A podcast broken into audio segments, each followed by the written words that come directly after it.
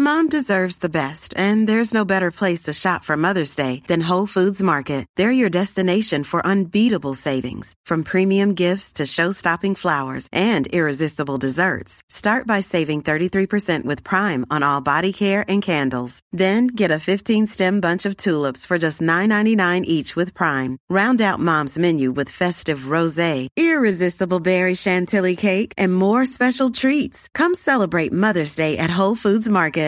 Mother's Day is around the corner. Find the perfect gift for the mom in your life with a stunning piece of jewelry from Blue Nile. From timeless pearls to dazzling gemstones, Blue Nile has something she'll adore. Need it fast? Most items can ship overnight. Plus, enjoy guaranteed free shipping and returns. Don't miss our special Mother's Day deals. Save big on the season's most beautiful trends. For a limited time, get up to 50% off by going to BlueNile.com. That's BlueNile.com.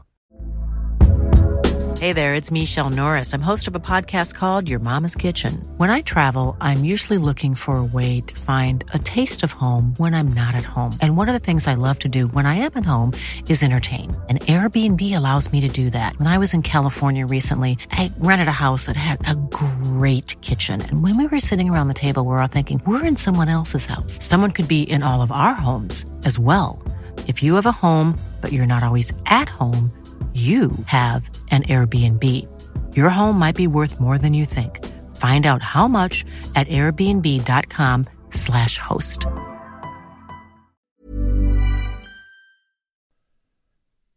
Er du klar for pod, Øystein? Veldig klar for pod. Det er jo så hyggelig å krabbe inn i studio og gjøre seg klar til en bilprat med deg. Så nå har jeg parkert bilen.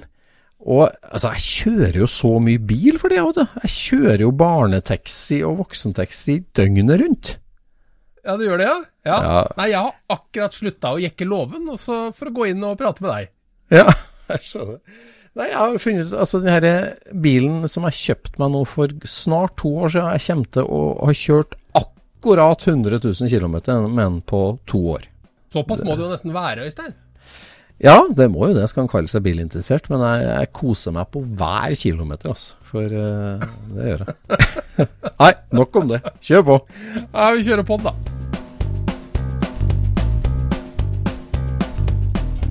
Du lytter nå til Scootspodden, en norsk podkast om klassisk bil med Jon Roar og Øystein.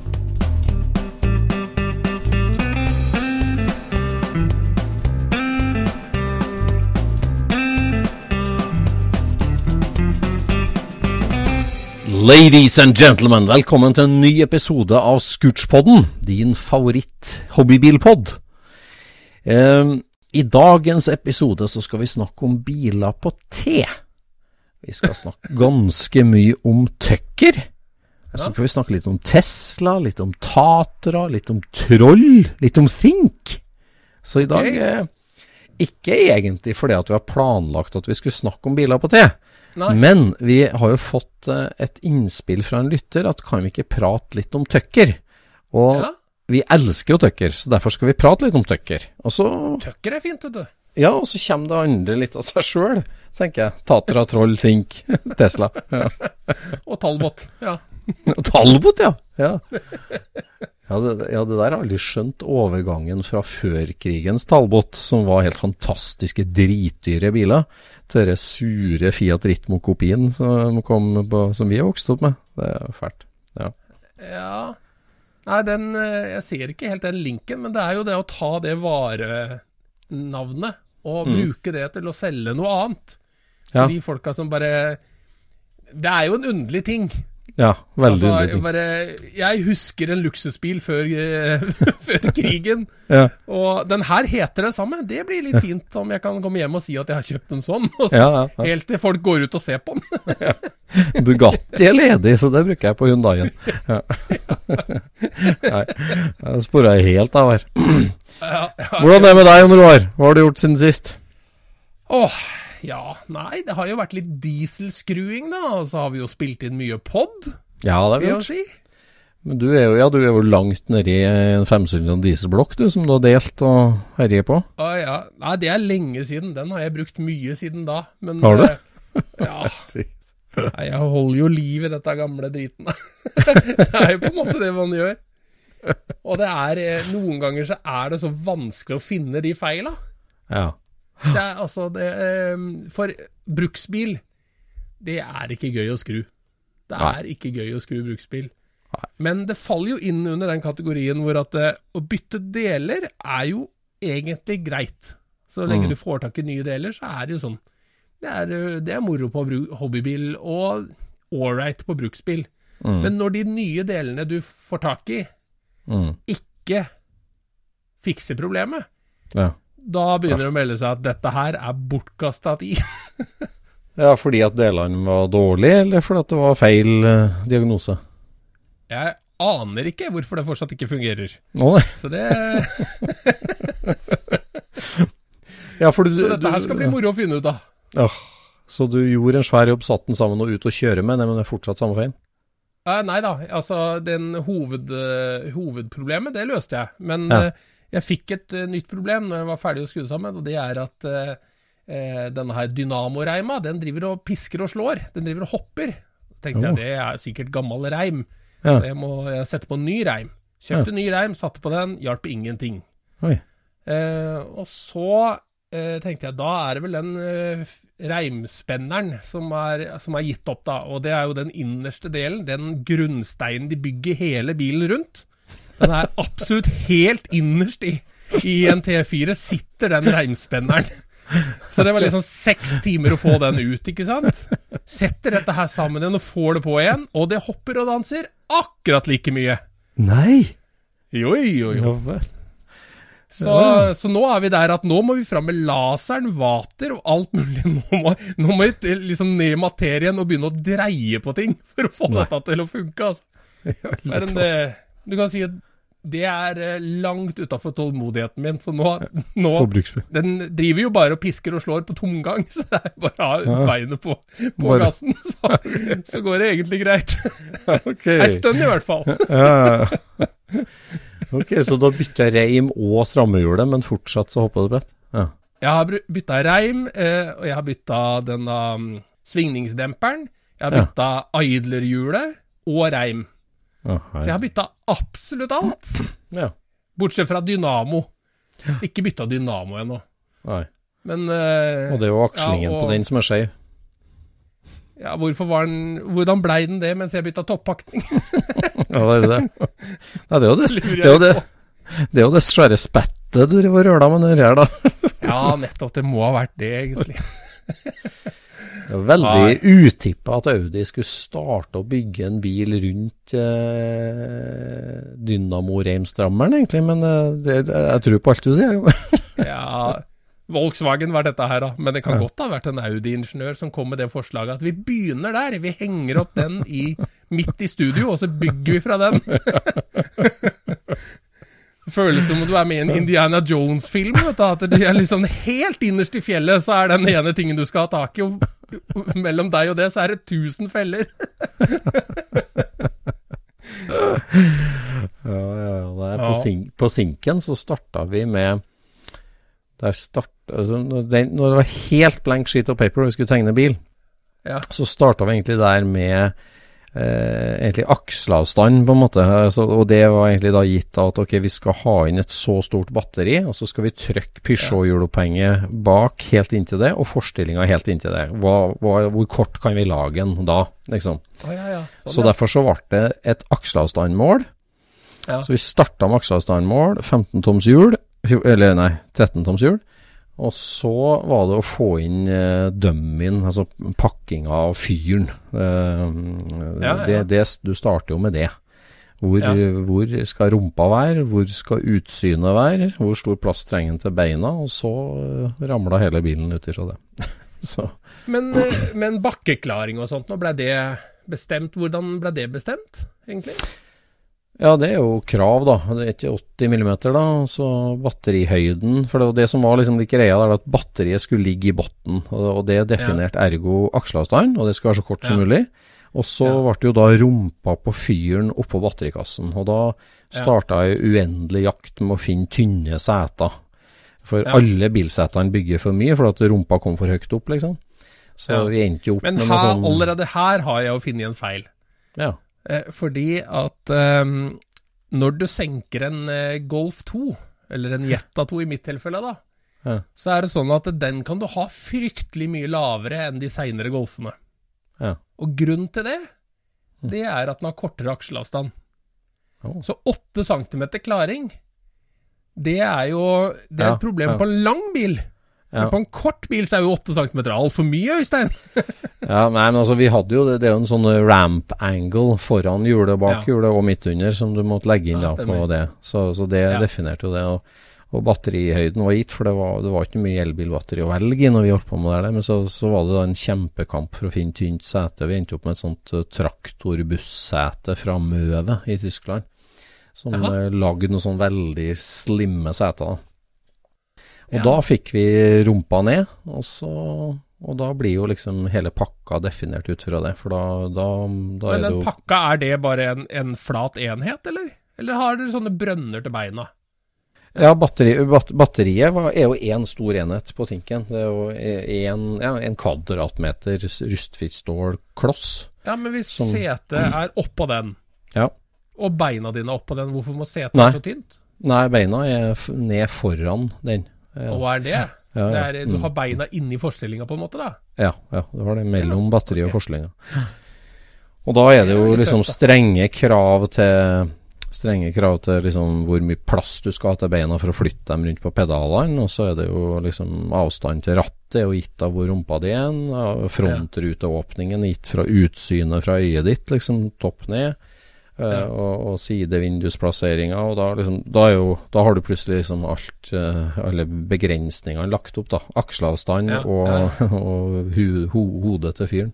Rattet. Det er rart at biler blir så forskjellige da, egentlig, hvis det finnes så mange begrensninger. Altså at man Ja.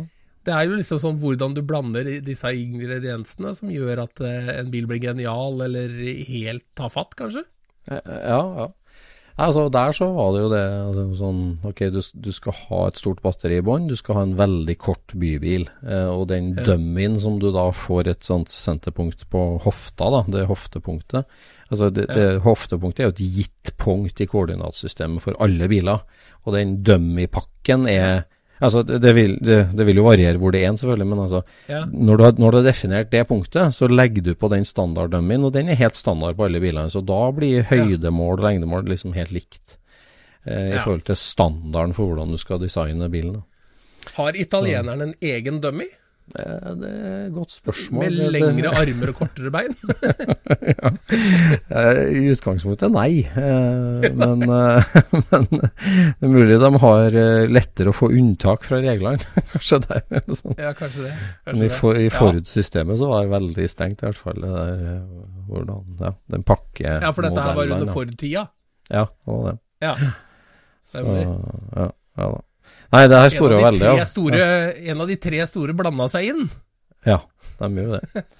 De gjør det, ja. Ja. Nei da, det, det her var jo egentlig on topic. Nå har vi prata om Talbot og prata om Sink. Det, det starta litt annerledes enn vi skulle. Gjorde Ja. Eh, det er Men bra. Men fortell nå om hvordan uh, Tucker-feberen kom til Rudolf Reders. Rudolf Alfrede ja. Det er jo min barndoms gate, der jeg vokste opp i trønd trivelig Trøndelag. Uh, for uh, nye lyttere. Nei, vi skulle snakke litt om Tucker. Uh, fordi at eh, vi fikk et lesebrev om det. eh, og, og Tucker er jo en helt spesiell bil, en amerikansk bil. Og det som må Altså, vi må snakke litt om Tucker-historien. Mm. Og så er det jo det at det kom jo en Tucker til Norge, eh, og det ble starta en nordisk Tucker-klubb. Eh, og der var jo min far veldig sentral. Så eh, helt spesifikt så gikk jo det her på å snakke litt om den her norske historien og de her modellbilene som ble lagd og sånn. Ja. Så vi må spole litt tilbake til å prate litt tuckerhistorie først, egentlig, da. For da Ja. det er jo altså fascinasjonen for eh, eventyr eh, lærer jo vi ba, øh, lærer vi oss som barn. Å like Ja. gode historier og eventyr. Og David mot Goliat og Espen Askeladd og alt det her er jo utfordreren mot etablerte system og store Ja, ja, eh, ja. kjemper. Ja. Eh, Så, så om du setter deg ned og begynner å lese bilhistorie, og da amerikansk bilhistorie, så er jo historien om Preston Tucker, mannen bak Tucker-bilen, er jo en sånn David mot Goliat-historie. Som er lett å la seg fascinere av. Og det var jo nettopp fascinasjonen for den historien eh, og historiebøkene som gjorde at faren min reiste til San Francisco i 1976 og deltok på møte i Tucker Club of America. Tucker Club of America. Og han eh, fikk sitt på bil nummer 13, kjørt rundt i San Francisco. Eh, han fikk tilbud om å kjøpe bil nummer 13, og han fikk eh, meldt seg inn i klubben og fikk fullstendig Tucker-dilla, rett og slett. Ja, men altså, han må jo ha hatt Tucker-dilla før han dro, for dette her Ja, ja, helt Han dro jo, altså han eh, Vi har jo hatt den med på podden, og han, han begynte jo å kjøpe seg bilbøker eh, i ca. Ja. 1970. Og, Ja. og leste jo veldig mye bilhistorie, og da kommer du over historien om Tucker. Eh, når du har Ja. kommet i store billeksikonet kommet til T, så kommer du til Tucker og begynner å lese. Så han var jo veldig fascinert, så det var jo en av grunnene til at han reiste til Amerika på den pilegrimsferden i 76. Det var jo Men i sånne historier som dette her, sånn, så skal du jo ha en eh, antagonist og en protagonist, er det ikke det det heter? Ja, ja jo. Eller, en, eller en helt og en, en fiende. Ja, Og helten her sånn er jo eh, Preston Tucker som, som ønsker å lage en bedre bil. Han mener jo at den amerikanske bilindustrien avspiser publikum med for dårlige biler. Ja. Er det ikke det, da? Ja, ja, det var nettopp For det er jo veldig mange som har prøvd å tjene penger på å lage bil, men Ja. han var jo på en måte en som hadde et mål utover det, eller? Ja. Jo, det er jo nettopp det som gjør det der så fascinerende. For, Ja. for det kan si at han Preston Tucker han var jo en uh, arbeidende mekanikersønn som uh, gikk inn i krigen med å være uh, en sånn nestkommanderende et lite mekanisk verksted. Men så var han en Ja. god selger, og så greide han å selge inn at de skulle lage tårn til Tengsa eh, til amerikanske forsvaret. Og Ok. um, lite visste han jo i 1940 at det ble en veldig lukrativ kontrakt. Så at eh, når, når resten av verden var utbomba og fattig, så var Preston Tucker en av dem som hadde en del penger eh, Ja. i Chicago eh, når krigen var over. Ja. Og da var han litt sånn Elon Musk over den, at han var en serieentreprenør som da hadde funnet på mange spennende ting. Og det å da ta fatt på å lage bil var jo liksom med litt penger på bok og, og et bilhungrig, baby, babyboomende glansbilde av Amerika, så var jo det en, Ja. ikke en dum forretningside å kaste seg på. Nei. Og da var det nettopp det at han mente at bilene var for dårlige, og så var det primært egentlig det der at eh, det var for lite fokus på trafikksikkerhet. Ja. Og det er jo en helt sånn utippa magisk ting, egentlig. Altså at eh, Hvordan tenker du, eller hva mener du med det? Nei, for, det, nei, for at på, på 50-tallet i Amerika eller på 40-tallet, ut av krigen, da, så, så skal det jo være eh, farger og krum og, og hallelujastemning, kan du si. Og, og det med trafikksikkerhet og sikkerhet da var jo ikke noe fokusområde i hele Hva tatt. mener du med det? Altså, jeg vet jo de at de hadde jo padding på dashbordet til og med. Ja, de hadde padding på dashbordet. Så de ikke skulle slå ut tennene kan si, ved bråbremsing. Det hadde de. Men, Ja. men Preston Tucker mente jo at det var altfor lite fokus på det. For at Ja. uh, liksom, det var for altfor høye dødstall på, i trafikken, og, Ja. og trafikken økte veldig mye. Så det å lage en bil som var sikker og trygg, det var veldig viktig. da. Ja. Og det var det som var inngangsfaktoren til, til han. Han mente liksom at det, nå er det en ny tid, bilene må se helt annerledes ut. Ja. Eh, og det var jo da at han fikk med seg Alex Tremulis, designeren som liksom har kreditert veldig mye av det her art deco-designet fra etter krigen, som var med og, og ga form til Tuckeren. Men det starta jo med en sånn grunnleggende sikkerhetstankegang, og det, da var det f.eks. noe sånn i ettertid så er jo det litt feiltenkt, da, men i hvert fall å flytte motoren bak, så du ikke skulle sitte og få en svær støpejernskledd inn i kupeen hvis du krasja. Ja. ja. Eh, og så var det jo det her med å ha lys når du svinger, så den midterste lampa den svinger jo med rattet Ja, for å, for, for å lyse inn i svingen, sånn at du Ja. eh, har oversikt der. Det var veldig viktig. Mm. Og så var det jo det med sikkerhetsbelter, at han eh, ville innføre sikkerhetsbelter i bilen som den første i USA. Ja, tre punkt Eh. eller to punkt?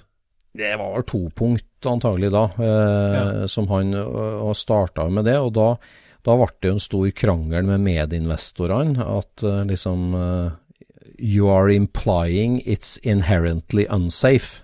Altså Ja. med å sette belta inn, så sier du liksom Du må alltid kjøre med hjelm, for det kan skje Ja. noe. Det var liksom Ja. litt sånn. Tenk på at Så- denne bilen kan krasje. Ja, ja. Er jo det man sier. Så det, det ble jo liksom gjort litt narr av, men det løste jo han da ved å lage et tilfluktsrom for han. For eh, tanken For det han gjorde da, var jo at han han fjerna på en måte hele dashbordet på passasjersida. Ja. Så det er bare en som en, på en barndoor folkevognbuss, at det er liksom bare en liten pod rundt rattstammen. Og så Ja. er det bare et, et uh, forsterka stålrom der du vanligvis har hanskerommet, så er det liksom plass til to folk, på en måte, nedi. Du Så kan i- kaste i deg ned der hvis det skulle Ja, ideen der var at ser du at det går galt, kast deg ned i the safety compartment, og så går det bra. så det er jo Han demonstrerte jo det ved å hoppe nedi der og sette seg nedi der, liksom. Eller, Ja. det er jo bare på gulvet, da, på en måte, foran. Men, så det, Men sånn, det var jo litt sånn mm. Det der med ikke å ha motoren foran, det, det kommer jo av deformasjonssone, regner jeg med, eller var det ikke det han tenkte? Ja, det var jo det at, at uh, analysen var at med uh, en gang du deformerer som at du treffer støpejernsblokka, så begynner du å dytte den bakover inn i kupeen. Ja. Så det, liksom det å lage en deformasjonssone, ja. Mm. ja. For du skal liksom bruke opp energien fra krasjen på å deformere Ja. stål og bøye og brette Ja. og alt dette her. Det er jo det som skjer, at bilen når den suser av gårde, så har den bevegelsesenergi, en halv MV andre. Ja. Og når du treffer en vegg, så skal du bli kvitt all den energien i deformering. Alt den energien skal bruke opp til å krølle bil og krølle bil. Ja, Helst ikke brukes på å knuse han som sitter inni til tomatpuré, liksom. Ja, nei, da må jo liksom the passenger compartment være kjempestiv og rigid, som et eh, sterkt veltebur, og alt foran Ja. der er bare en svær geléklump som krøller seg perfekt og svelger energi. Ja.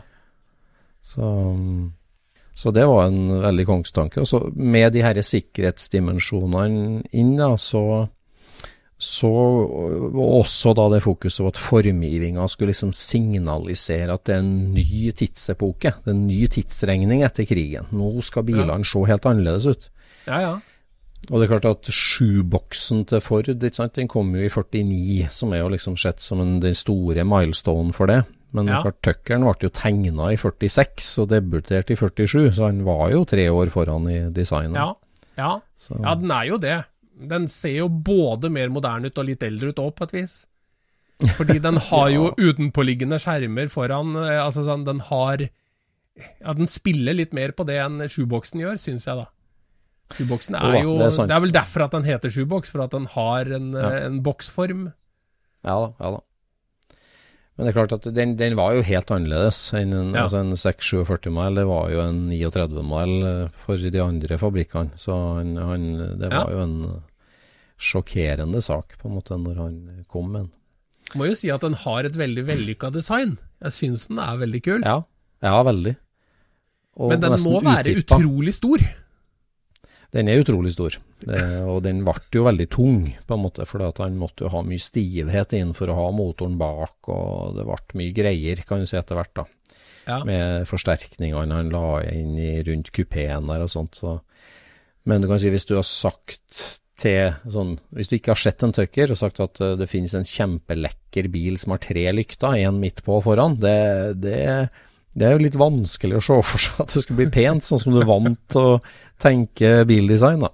Ja. Men, eh, men eh, når det er sagt, så ble den jo veldig vellykka. Ja. Nei. Det, men jeg, jeg syns jo det, det fungerer, for han har litt sånn torpedofront uh, i, i, i senter der, og en lavtliggende grill, og den er jo litt uh, kul. Men den grillen, er den bare for pynt, eller er det noe bak der? Er det radiator der, eller sitter den bak? Radiatoren sitter bak. Uh, så vidt jeg vet. bakskjerm eller noe Ja, sånt? Nå er ikke jeg 100 sikker på det, men uh, han tar inn luft i bakskjermene og så styrer dem inn med å svær vifte som drar gjennom en radiator bak der. Ja. Men, eh, Ja, han, han, klart han ville jo gjøre det enkelt det med motor, så han etter å ha prøvd og feila litt med forskjellige varianter, så endte han opp med en ni uh, liter sekssylindere vannavkjørt, uh, eller egentlig luftavkjørt helikoptermotor. Ja. Som, uh, fra Franklin, som han bygde om til vannavkjørt. da. Men skal den sitte horisontalt i helikopteret også? Eller har han, eller har han vridd den 90 grader? Han har antagelig vridd 90 grader, men det, det vet ikke jeg faktisk. Jeg ikke. Nei. Så, så, han, han, gjorde noe fra luftavkjølt til vannavkjølt? Ja, han gjorde det. Han gjorde det. Og, og det var jo Det ble jo en hemsko for han egentlig, der det, at han ble veldig tung på rattet av en eller annen grunn, og så var han veldig bråkete, eh, motoren. Det var en ganske sånn mekanisk lyd inn, og ja, jeg vet ikke om det ble kort eksosanlegg eller hva, men det, det, var, det var sånn bråk og liksom unreliable, da. Det var jo noe som hefta dem hele tida. Det er litt trist Så. med helikoptermotorer, syns jeg. At de er upålitelige. Ja, det kan du si. Nei, det var kanskje smøresystemet da, som var beregna for vertikal montering. Ja. Det, kunne vært, noe sånt. det kan ha vært noe Så, sånt, ja. ja. Men den sitter Nei, så, bak der, og så har de Hvordan er den adskilt fra kupeen? Er det liksom eh, Er det, er det to vegger som på Tatran, eller er det, her enkel vegg, eller åssen er det? Nei, den her har jo mer vanlig bakrute, på en måte, også en torpedovegg eh, under den, da. Eh, ja. Mellom baksetet og motoren. Ja. Så han, han sitter jo før korveren, så det er jeg faktisk ikke sikker på om det nesten var den første amerikanske med hekkmotor. Men det, det er jo lett å tenke at man var inspirert av folkevogn og Tatra eh, når han så ja. på det der. Det ja. de gjorde i Europa, kan du si, som der det jo var en hekkmotortrend rett før krigen. Da. Ja, men, men, når du ser bilen, hvis du ser bilen første gang, så er det jo Du mm. gjetter jo at den har motoren foran. Ja, han har jo liksom sånn. hele mm. volumet foran. Ja, det var det. Mm. Han, det må jo være den første bilen med frunk, eller? Ja, den har jo bagasjerom foran, så da har ikke jeg spola gjennom bilhistorien kjapt nok, men det er klart, Corveren kom jo øh, Nå er vi sikkert flaut for en del lyttere å ikke huske på hekkmotor, førkrigs hekkmotor, amerikansk bil. Skarab var vel det, kanskje? Uten at jeg husker på det helt sikkert. Ja, nei.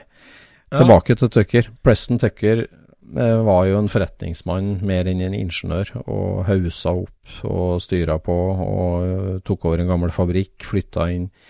Og så var det jo da det herre med å begynne å typegodkjenne bilen, eh, og, og, og, dialogen med myndigheter. Og da er det jo en, en, lang historie for så vidt om det, som, som har vært dramatisert i den berømte filmen, og som har vært skrevet litt om det det er mange versjoner på hvor sant det der er, men det, det er jo Én versjon er jo at det var en konspirasjon by the big three, at Chrysler, Ford og GM eh, mente at han var for banebrytende, for utfordrende, og det sikkerhetsfokusen ville ødelegge for bilisme, kan du si da, sånn per se. At, uh, oh, ja, at sånn, han retta fokuset på ting som ville gjøre at de måtte forandre på bilene sine, sånn at de tjente ja, mindre på ja. dem? Ja, og også det med altså, bilisme generelt. Da. Altså, det blir jo som plutselig at noen skulle begynne å si at røyking er farlig. På 60-tallet så var jo røyking noe som alle skulle drive med, og som var ansett som ufarlig. Ja. Så, så liksom den første som begynner å så frø om at liksom, det her er noe farlig, det, det var jo Uh, og, og, så var det jo liksom banebrytende på mange måter, altså, men så, så, at han da ble utsatt for nærmest sabotasje, hinder i byråkratiet. Han fikk ikke tillatelse til det, det ene og andre. Og, han, eh, og etter hvert da så var det jo en sak fra på en måte Konkurransetilsynet, eller skattemyndighetene, som, ja. som gjorde at han til slutt gikk konkurs. Eh, ja, for han var jo selvfinansiert, var han ikke det da? Eller, eller hadde han hadde med seg Han, han henta ganske mye penger, jeg lurer på om var det 15-16 millioner dollar eller noe sånt. Han henta fra en del investorer. Ja. Han hadde penger sjøl, men han hadde òg med seg mange investorer, kan du si. da. Ja. Og, og etablerte sånn at til slutt da, så gikk han jo konkurs, eller ble stoppa av skattemyndighetene. og Så en annen versjon av det da, er jo at han var litt for cowboy med bokføring og investerte penger og, og hit og dit. Han, altså han, Ja. han førte ikke moms og førte ikke skatt, og at det var egentlig det som felte han. Men, men, men, Ja, men det er jo han, sånn de tar alle. Det var vel sånn de tok han eh, Capone òg, var det ikke det? På skattesnusk. Jo da, jo da. det var det. Så, men liksom hvor mye konspirasjon og Big Three-motstand det var kontra liksom orden i sysakene. Men Ja, for den fall så. største motstanderen du har når det gjelder bilproduksjon, det er vel masseproduksjon. ja, det, er vel, det er det. eh, det er vel det som er vanskelig her.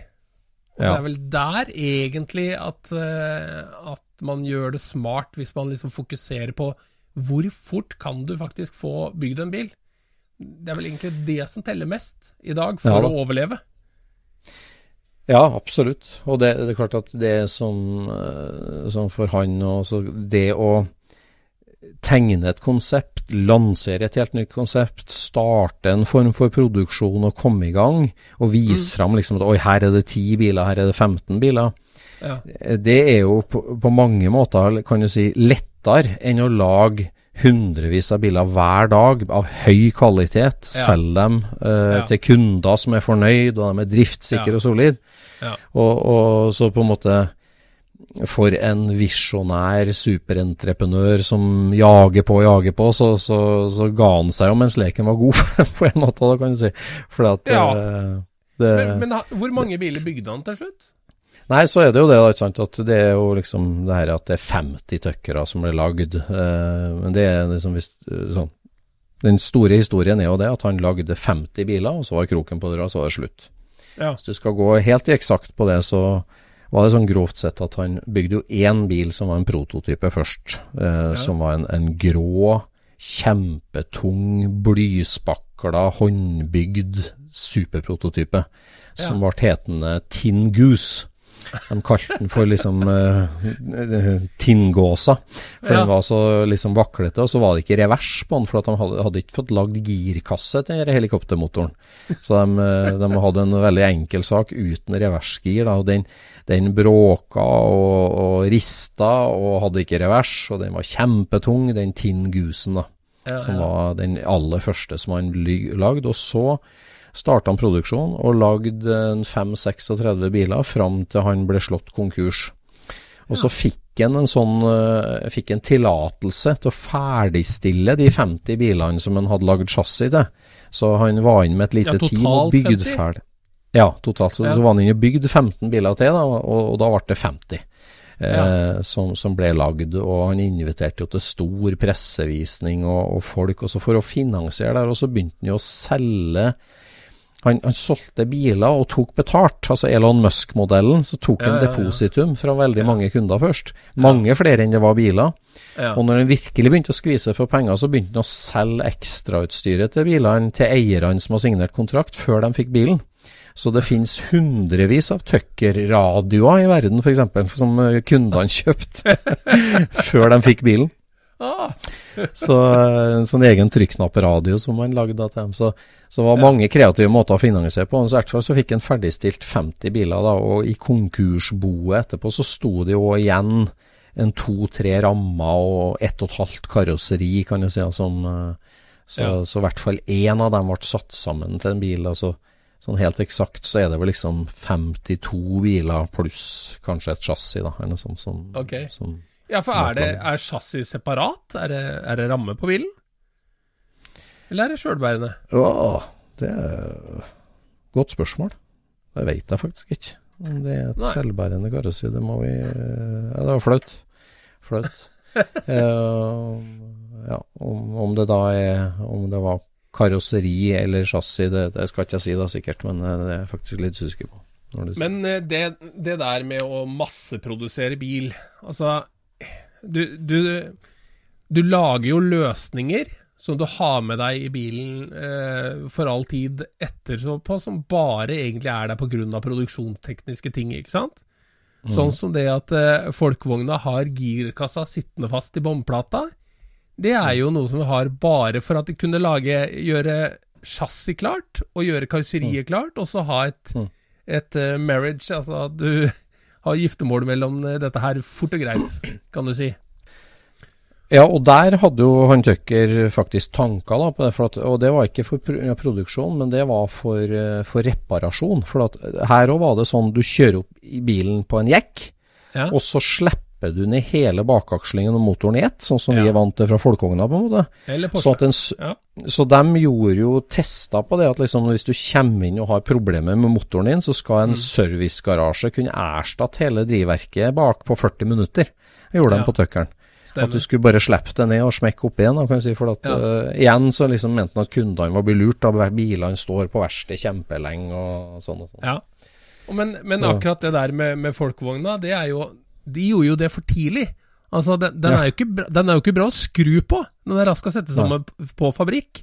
Men det å få ut girkassa, det er jo, det er jo mas. Ikke Mm, sant? Det var jo det er derfor det. de fjerna rammehorna når at de kom til ja, 72, så forsvant vel rammehorna på, på bussen, i hvert fall. Nei, nå sier jeg feil. Ja. Det var jo selvfølgelig når eh, Bayen kom at rammegaflene forsvant. Så da, fra det punktet så hang jo girkassa fast i karosseriet. Motoren hang fast i den igjen, som var lagra i bakkant i karosseriet igjen, da. Så da kan Mm. du slippe hele eh, motorpakka ned, da, sånn som på 911. Mm. Og det kom jo i 64, så det, var liksom, det er jo ikke noe hemmeligheter noen av disse tinga. Men hva er fokuset ditt? Bygge bil raskt, eller ha service raskt? Ja. Mm. I dag så er det jo sånn at eh, motorpakkene de blir jo løfta opp i karosseriet og bolta fast, ikke sant?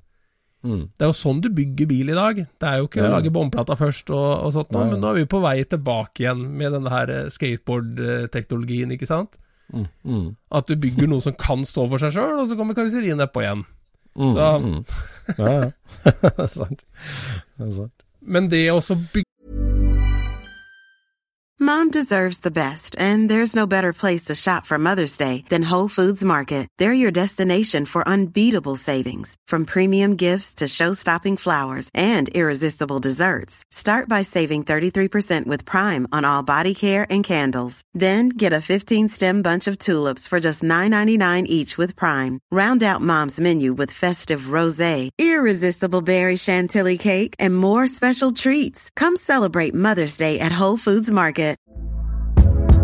Hey there, it's Michelle Norris. I'm host of a podcast called Your Mama's Kitchen. When I travel, I'm usually looking for a way to find a taste of home when I'm not at home. And one of the things I love to do when I am at home is entertain. And Airbnb allows me to do that. When I was in California recently, I rented a house that had a great kitchen. And when we were sitting around the table, we we're all thinking, we're in someone else's house. Someone could be in all of our homes as well. If you have a home, but you're not always at home, you have an Airbnb. Your home might be worth more than you think. Find out how much at airbnb.com/slash host. bygge bil fort, det avgjør hvor billig bilen kan bli. Mm. Ja, det gjør jo det. Og han kom jo aldri dit at han liksom bygde og drev noen kostnader. Den skulle være billig, men han ble vel fire ganger så dyr, tror jeg, Mm. omtrent når han, de 50 han solgte, da, som ble levert til kunder som allerede hadde forhåndsbetalt og, og kjøpt radio og klar, da. Ja. Så Men hvordan ser amerikanerne på Tucker? Altså, Er det en eh, noble failure, eller er det en interessant bil, eller er det liksom eksempler på at de store tre tråkka på, på en liten en, eller hva, hva er det, liksom?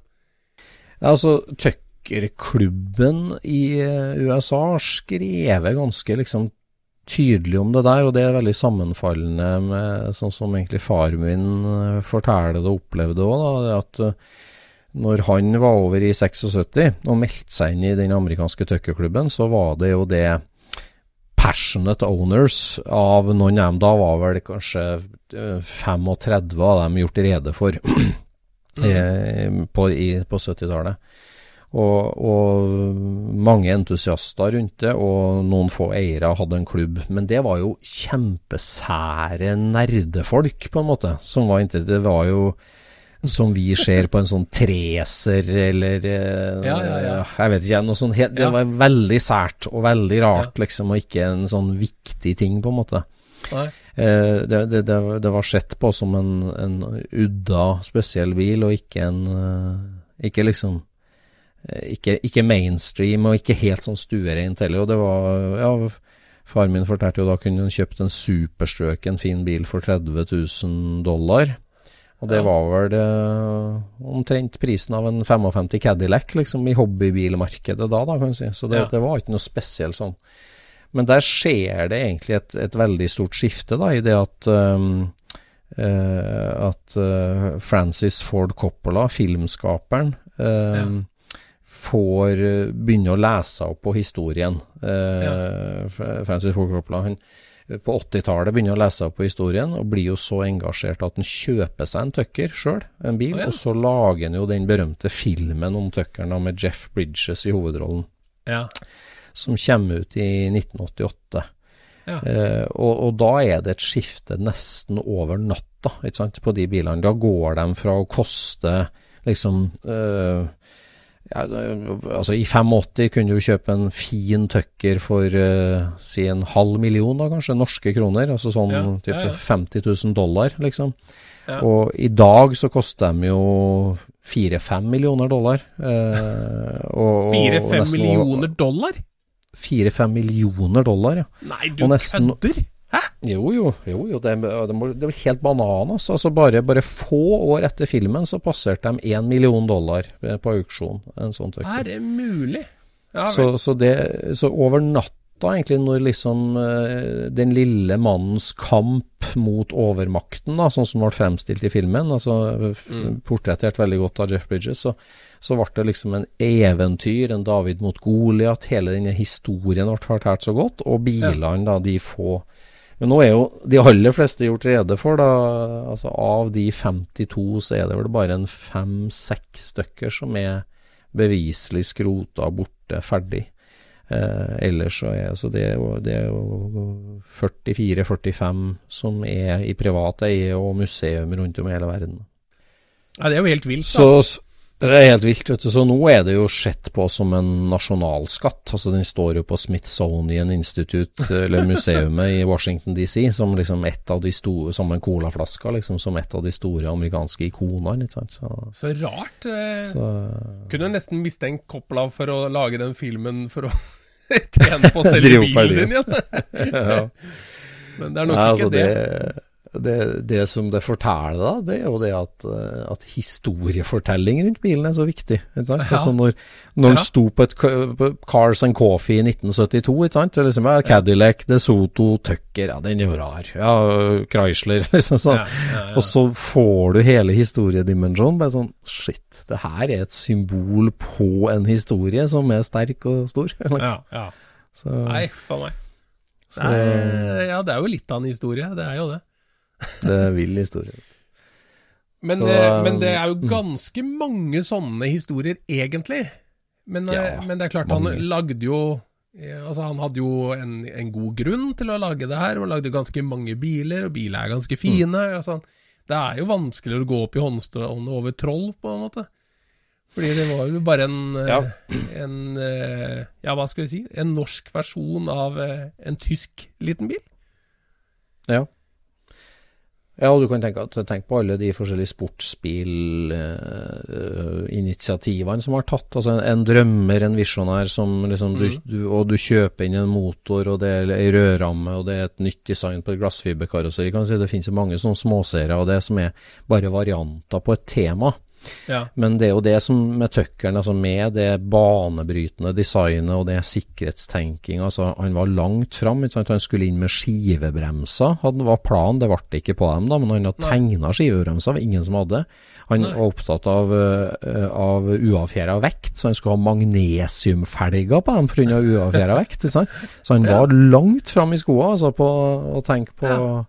så det er jo det at det, det, ja, det var jo ikke bare Det, det er jo den utfordreren David mot Goliat, er en ting, men det var jo ny tenking, vet du, liksom, Ja. i en bil. Helt ny tenking på en del ting. Så Eh, det er jo en sykdom, det der sånn å, å, å ville alt best. Det, mm. det, altså det, det kommer Ja, ja. jo i veien for å, å lage bra bil. At du, Ja, alt skal bli best. Ikke Ja. sant? gjør det. Nei da, så For å komme til den norske delen av historien, så var, er det jo det at øh, Faren min er var jo medlem hele veien og abonnerer på Tucker Topics, som er bladet de gir ut til sine nerdemedlemmer. ja. og så kommer jo filmen i 88, og faren min er over flere ganger på 70- og 80-tallet. Eh, og, og blir veldig godt kjent med én tøkkereier som har to tuckere, Curtis Foster, som hadde nummer 5 og nummer 50. En ja. bomullsfarmer midt i Texas som faren min blir veldig god venn med, og vært og besøkt flere ganger. Og så blir han òg veldig god venn med, med, Richard Jones, som var formann i klubben, ja. og som bodde nede i Florida. Richard Jones har jo en litt artig historie, for han hadde en tucker som han hadde var en bra orgi, slitt originalbil restaureringsobjekt som han mm. fikk tak i på 60-tallet. Hadde den stående lenge, lenge, lenge, og i 1974 så brant det lagerbygget som han sto i. Oi. Og taket ramla ned, og bilen ble helt utbrent, men ble jo da dratt ut som et sånt uh, opprent uh, lik med en svær takås midt over taket, kan du si da. Men, men, det var jo en komplett bil, på en måte, men den var jo helt utbrent, ja. Ja. Og Richard Jones er jo supertøkkerentusiast, men i 74 så var jo den bilen da helt urestaurerbar, og det her var kjempetrist og så tragisk. Ja. Så han tar den med seg til et bilopphuggeri og eh, vipper det like oppi pressa, og tar masse bilder av at han presser den til en uh, kloss på 70 ganger 70 ganger 70 cm. 2 by 2 by 2 feet. Aha. hele den klossen. Og så tar han med seg den hjem og, og legger den ned som grunnstein under garasjen sin når han skal bygge seg nytt verksted hjemme på gården sin. så der ligger den ennå, der. For en uh, underlig ting å gjøre! ja, underlig ting. Og han, og han, tok masse bilder. Han har et helt album som han hadde med seg til Norge senere. Da, der liksom hele, hele, prosessen der. Det brente huset, det utdratte liket, på hengeren til bilopphuggeren. Ganske absurd sak. Han har jo selvfølgelig aldri gjort det liksom, i nyere tid, men i 74 Nei, så var det den som endelig Ja.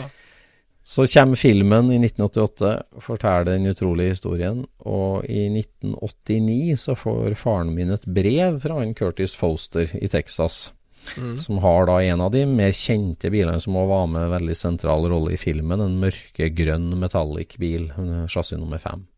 Ja.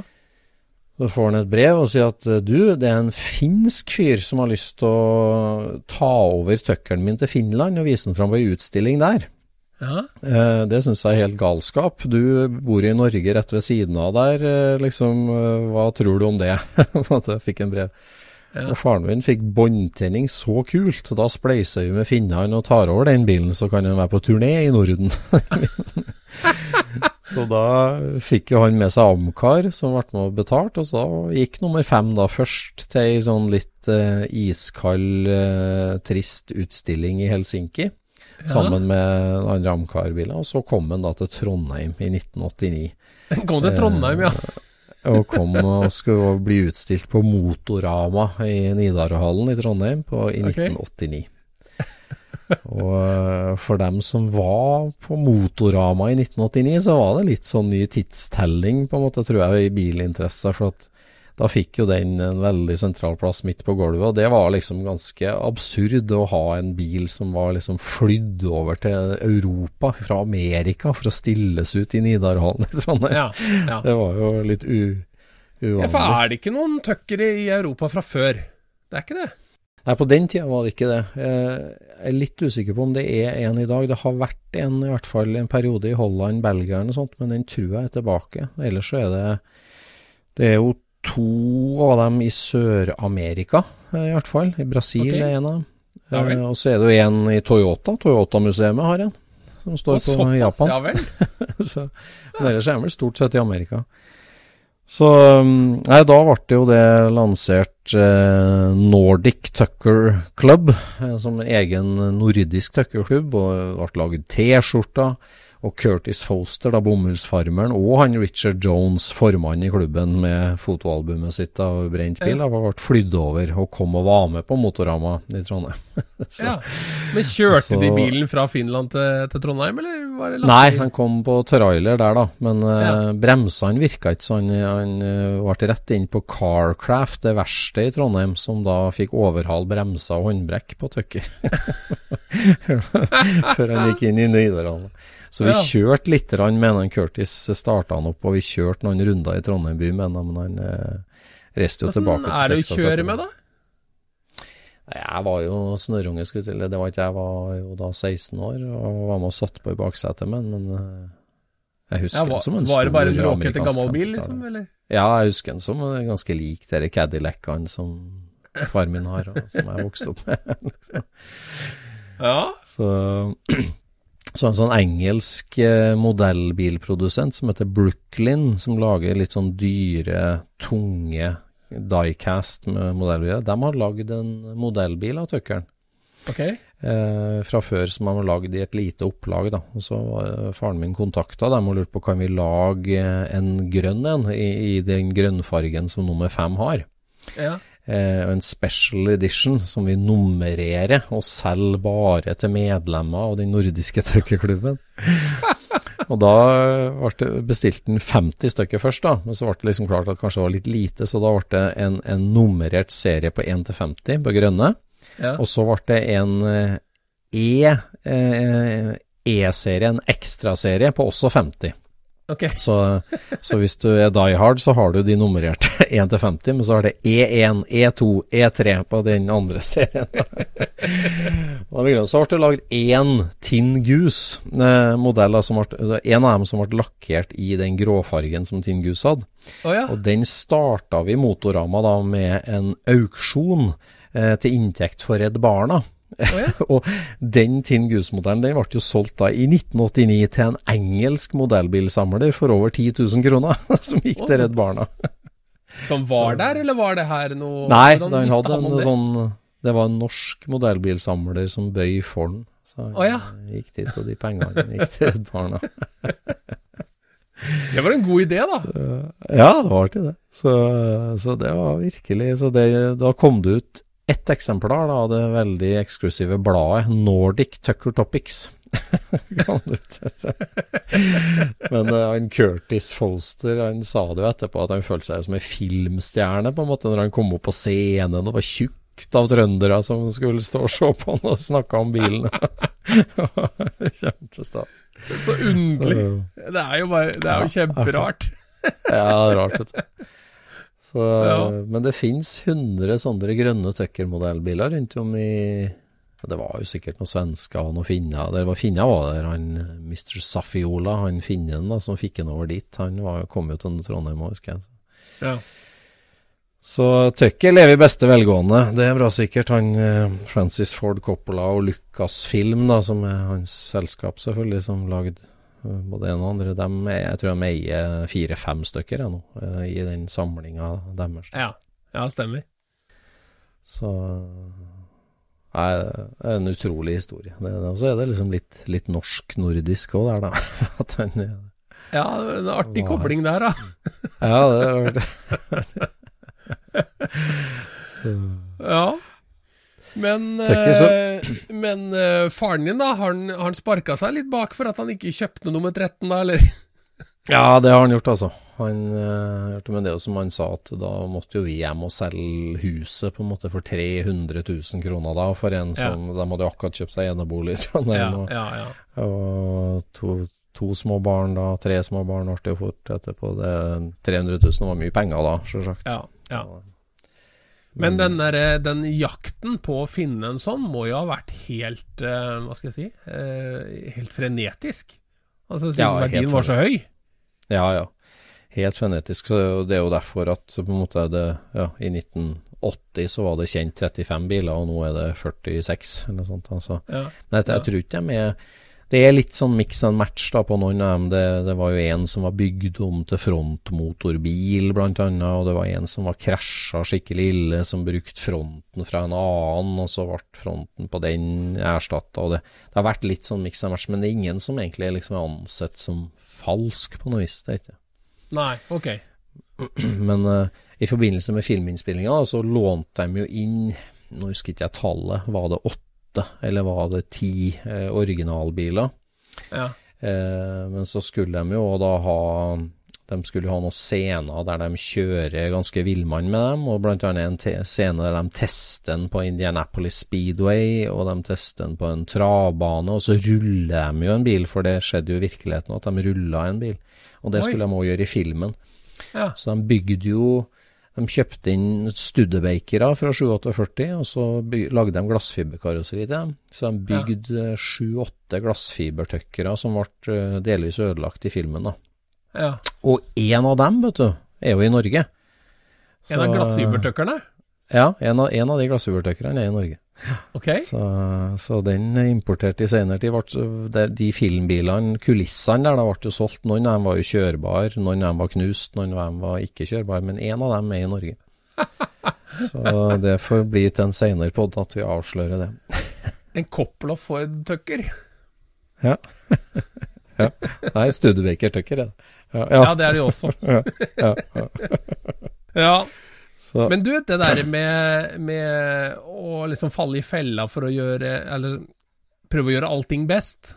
Det var Mhm. jo en, en hysterisk eh, eh, blunder som Tesla gjorde vet du, på, på Model 3. Den sleit jo veldig Mm. med å få masseprodusert. ja vel. Og da, da er det sånn at det er en kar som heter Sandy Monroe, som, som lever av å eh, ta fra hverandre biler til den minste lille skip, og så finne ut hva verdien på hver eneste lille ting er. For Ja. å liksom selge rapporten til andre bilfabrikanter, for, å, for at de skal da vite hva konkurrenten hvor, hvor lavt kan de gå i pris, ikke sant? ja. Og han, han begynte jo med å se på karosseriet på Model 3, det første han fikk.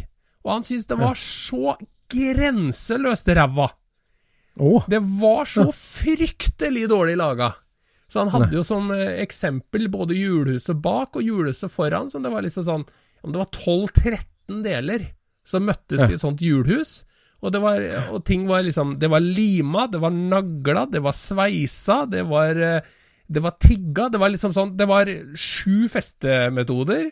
Og fryktelig mange forskjellige materialkvaliteter i mange små metallbiter. da. ja. Og så, så dette syntes han jo var helt krise. Og dette fortalte han jo da på Outerline After Hours, som er et sånt eh, bakenfor-program som er for bilindustrien i statene, da. Eller for, egentlig for verden, men altså det er stort sett amerikansk som foregår der. Og, og det, han slang ut hvor, hvor elendig dette her var laga og alt mulig sånt, da. Og så, neste gang han var innom der, da hadde han jo kikka på alt det andre de hadde gjort, og da var han jo gått fra kritiker til og Han kunne ikke fullrose dem på resten. Oi. Resten Ja var helt sinnssykt bra.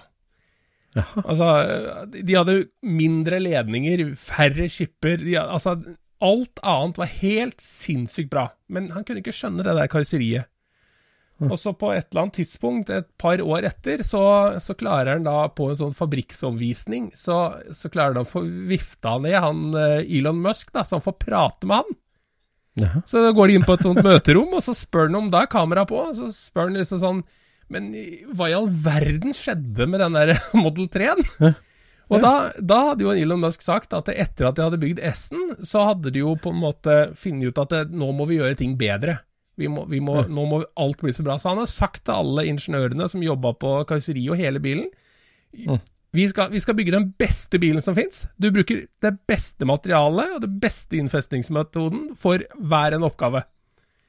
Og det gjorde de. Så, så det var liksom da tolv ingeniører som laga det hjulhuset, og alle valgte den optimale plattetykkelsen og det optimale materialet, optimale festemetoden. Oi. Og resultatet blei jo krise. Ikke Ja, sant? ok. Så han, men, Så han sa, men det var han en sa jo det her til var en kjempetabbe. liksom, en kjempetabbe. Og da sier jo han Sandy jeg, jeg håper du har sparka han som, som hadde ansvaret der. Ja, han er, han er vekk siden lenge, liksom.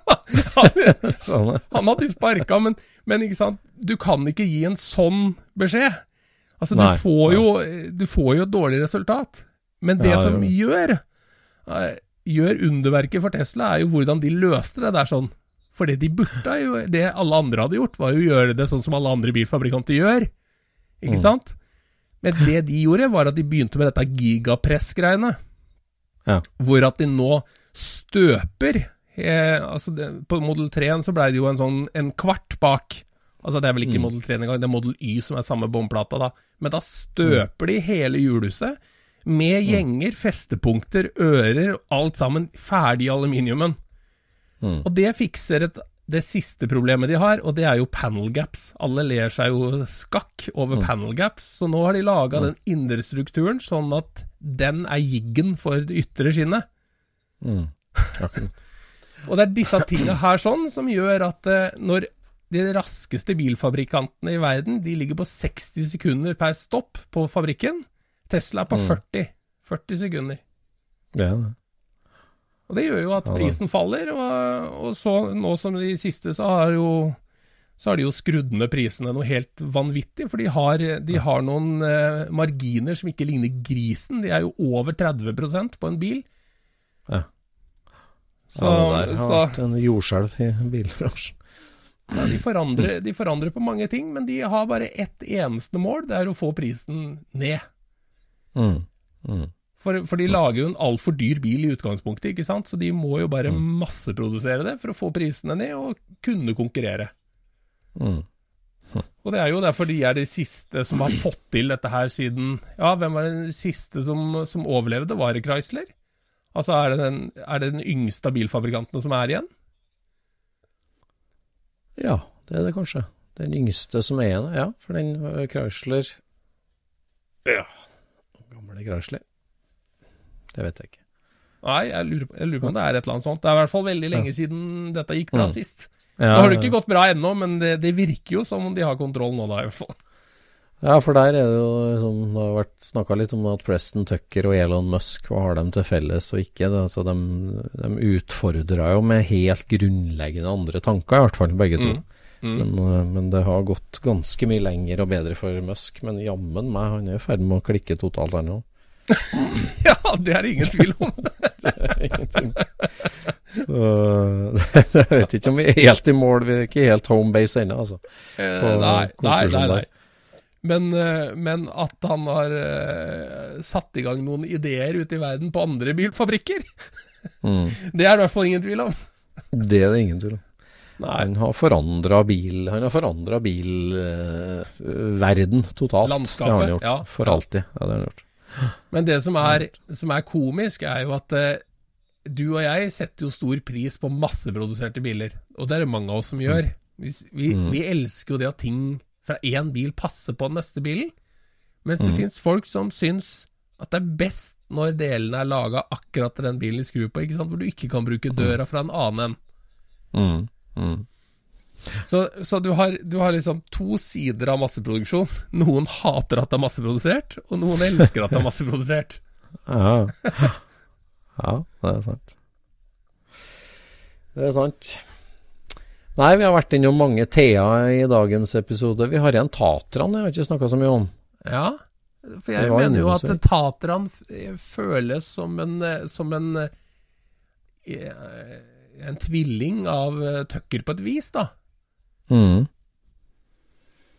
Ja, det, det, det er ikke umulig å si det at uh, han sjela dit, altså, for det er uvanlig design, stor firedørs sjekkmotor.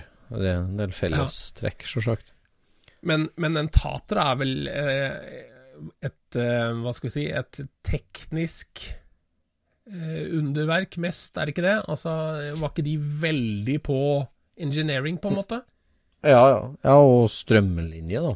Altså, Ja. den Ja. CV-verdien på de Tatraene, uh, det, det gjorde jo ikke Tucker Jeg vet ikke hvor stort nummer han gjorde ut av det, egentlig, men, uh, men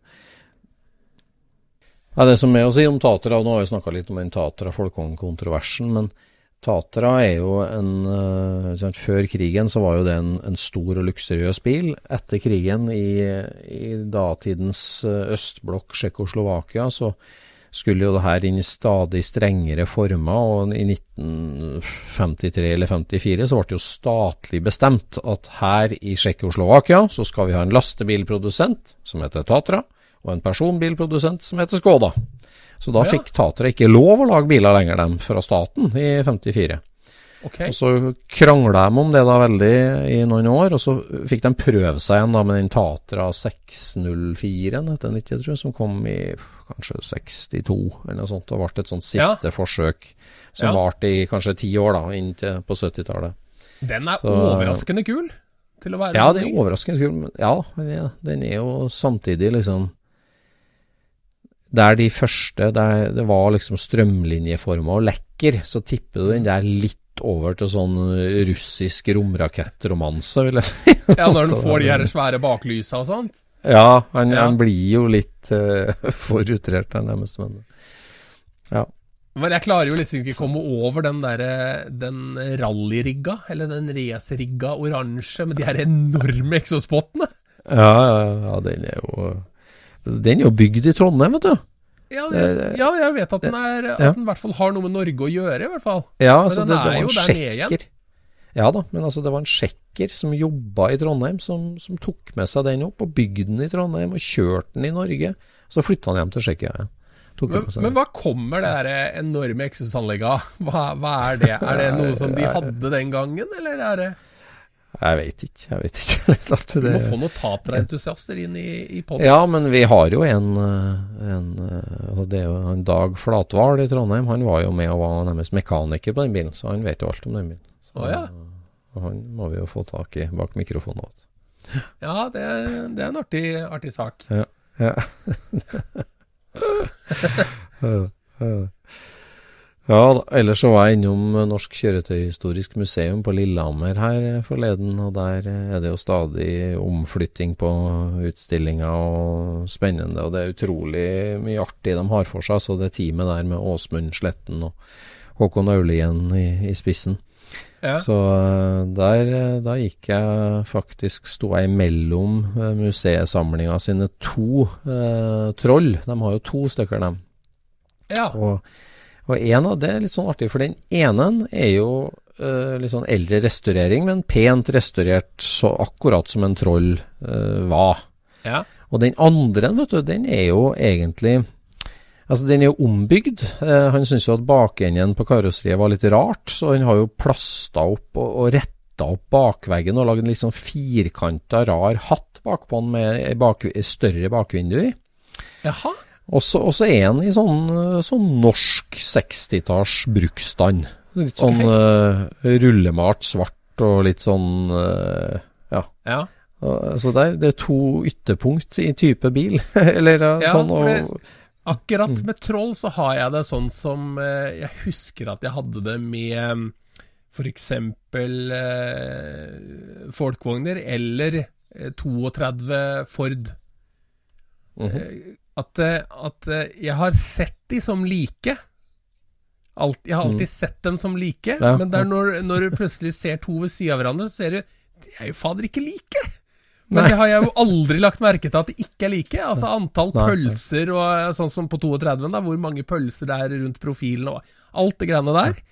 Altså, jeg, jeg tror nesten ikke jeg har sett to troll som er like heller. De har jo bakhengte dører og skråstolper og det er altså. Og den, den med det derre taket der har jo jeg også trodd har vært en produksjonsbil, ja, men det er noen som gjorde om den, altså. Ja, noen som gjorde om det. Ja, så da er jo spørsmålet skal det gjøres om igjen, eller er det en eh, norsk eh, modifisering Jeg, som er jeg syns det hadde vært veldig kult om noen hadde tatt seg an en troll og prøvd å få det til å bli en fin bil. Ja. Husker Ja, du, husker du disse her russerne som på 90-tallet bygde en, en, en sportslig todørs Volga? Lurer på om de tok Nei. kanskje en, et BMW-chassis, og så satte de på karosseriet til en Volga. Jeg tror det er en Volga, i hvert fall. Okay. Hvor at den blei Den ser ut som om Volga skulle ha laga den. Det eneste du på en måte skjønner at det er noe muffins, det er at den har BBS-felger. Bortsett fra det, så er den dritfin. Og det er liksom den, den ideen der, på en troll. liksom. Ja. Hva må Ja. du fjerne, og hva kan du beholde, og fortsatt Ja. få det til å se ut som et troll, men at den kan bli kul? For det, det ligger ikke helt i dagen, altså, hva du gjør. Nei, nei, det er ikke det, altså. Nei, den er særegen. Det er helt sikkert. Men når det, altså, du snakker om det der å trene Volga ned på et sånt chassis. Altså, vi har jo snakka om vår venn fra Gjerrud med den eh, vanvittige Pontiac-karosseriet oppå et Oldsmobilen? BMW-chassis. Oldsmobil, ja. Oppå Ja. BMW-chassis. Eh, Jeg ramla over i ei Facebook-gruppe som heter Body Swaps, eller noe sånt. uh, homebrewed body swaps eller sånn. Det virker jo som, som det er en i hver gate borti Amerika som driver og trær gamle Honda-karosseri ned på eh, Nissan 200 ZX og jeg vet ikke, det er alt mulig rare body swaps de driver med. Eh, Ja. Altså den derre den Caprien i Norge som vi har snakka om, den som er MK1 Capri tredende på et Mustang-sjassi, den er jo brutal. Ja. den Ja, må ja. vi jo egentlig snakke om i poden. Men det der er det eh, en hel community som driver big time, altså. Så, så det er mye av det der. Ja, så sånn, eh, sånn motorswapping, det er, det- det er liksom ut det nå, da. Nå er det å liksom få hele chassis og hele drivlinja inn i med båndplate og stoler og alt. Ja, ja, Og så bare bytte det- karosseriet utapå. Ja, ja, det, Ja, det er jo tilbake til er- fjernstyrtbildagene, det der. ja, det er jo det. Nei, det er en som driver med en Chirocco nå, ned på en sånn Audi ja, S2, kanskje. En sånn MK1 Chirocco som driver og trener på en sånn Audi-plattform. Ok. Helt, eh, helt sånn bare ytter, flimsy ytterskinn igjen. Og henger i taket og senker ned og tar fram miggen og kjører på. Ja. Er det planene for den der uh, tuckeren òg, eller den glassfibertuckeren?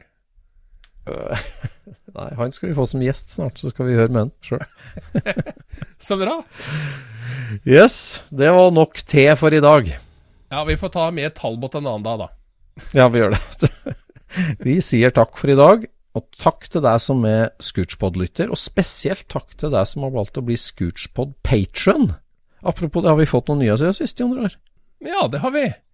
Vi Ja. har fått med oss eh, Tore Moen, Arnstein Aas, Martin Noreng, Morten Myrvik og Bua Garasje. Oi! Bua Garasje, ja, der eh, er det jo store planer til sommeren, vet jeg. Det er veldig bra. En stor tusen takk til alle dem som velger å bidra litt ekstra. Men uh, vi har så mye å glede oss til i Skurtspodden 2023. Vi har ei gjesteliste ut av en annen verden, så det er bare å henge på. Ja, her blir det mye greier. Det gjør det. Ta takk for i dag. Takk for i dag. Ha det bra. Scootspodden produseres av SSC Media, med god hjelp av VV Norge og Trond Dahl for hosting, Knut Micaelsen for musikk. Abonner på Scootspod via podcaster eller Acast, og følg Scootspod på Instagram og se det vi snakker om. Der kan du også komme med kommentarer og innspill, og fortelle oss hva du vil høre om.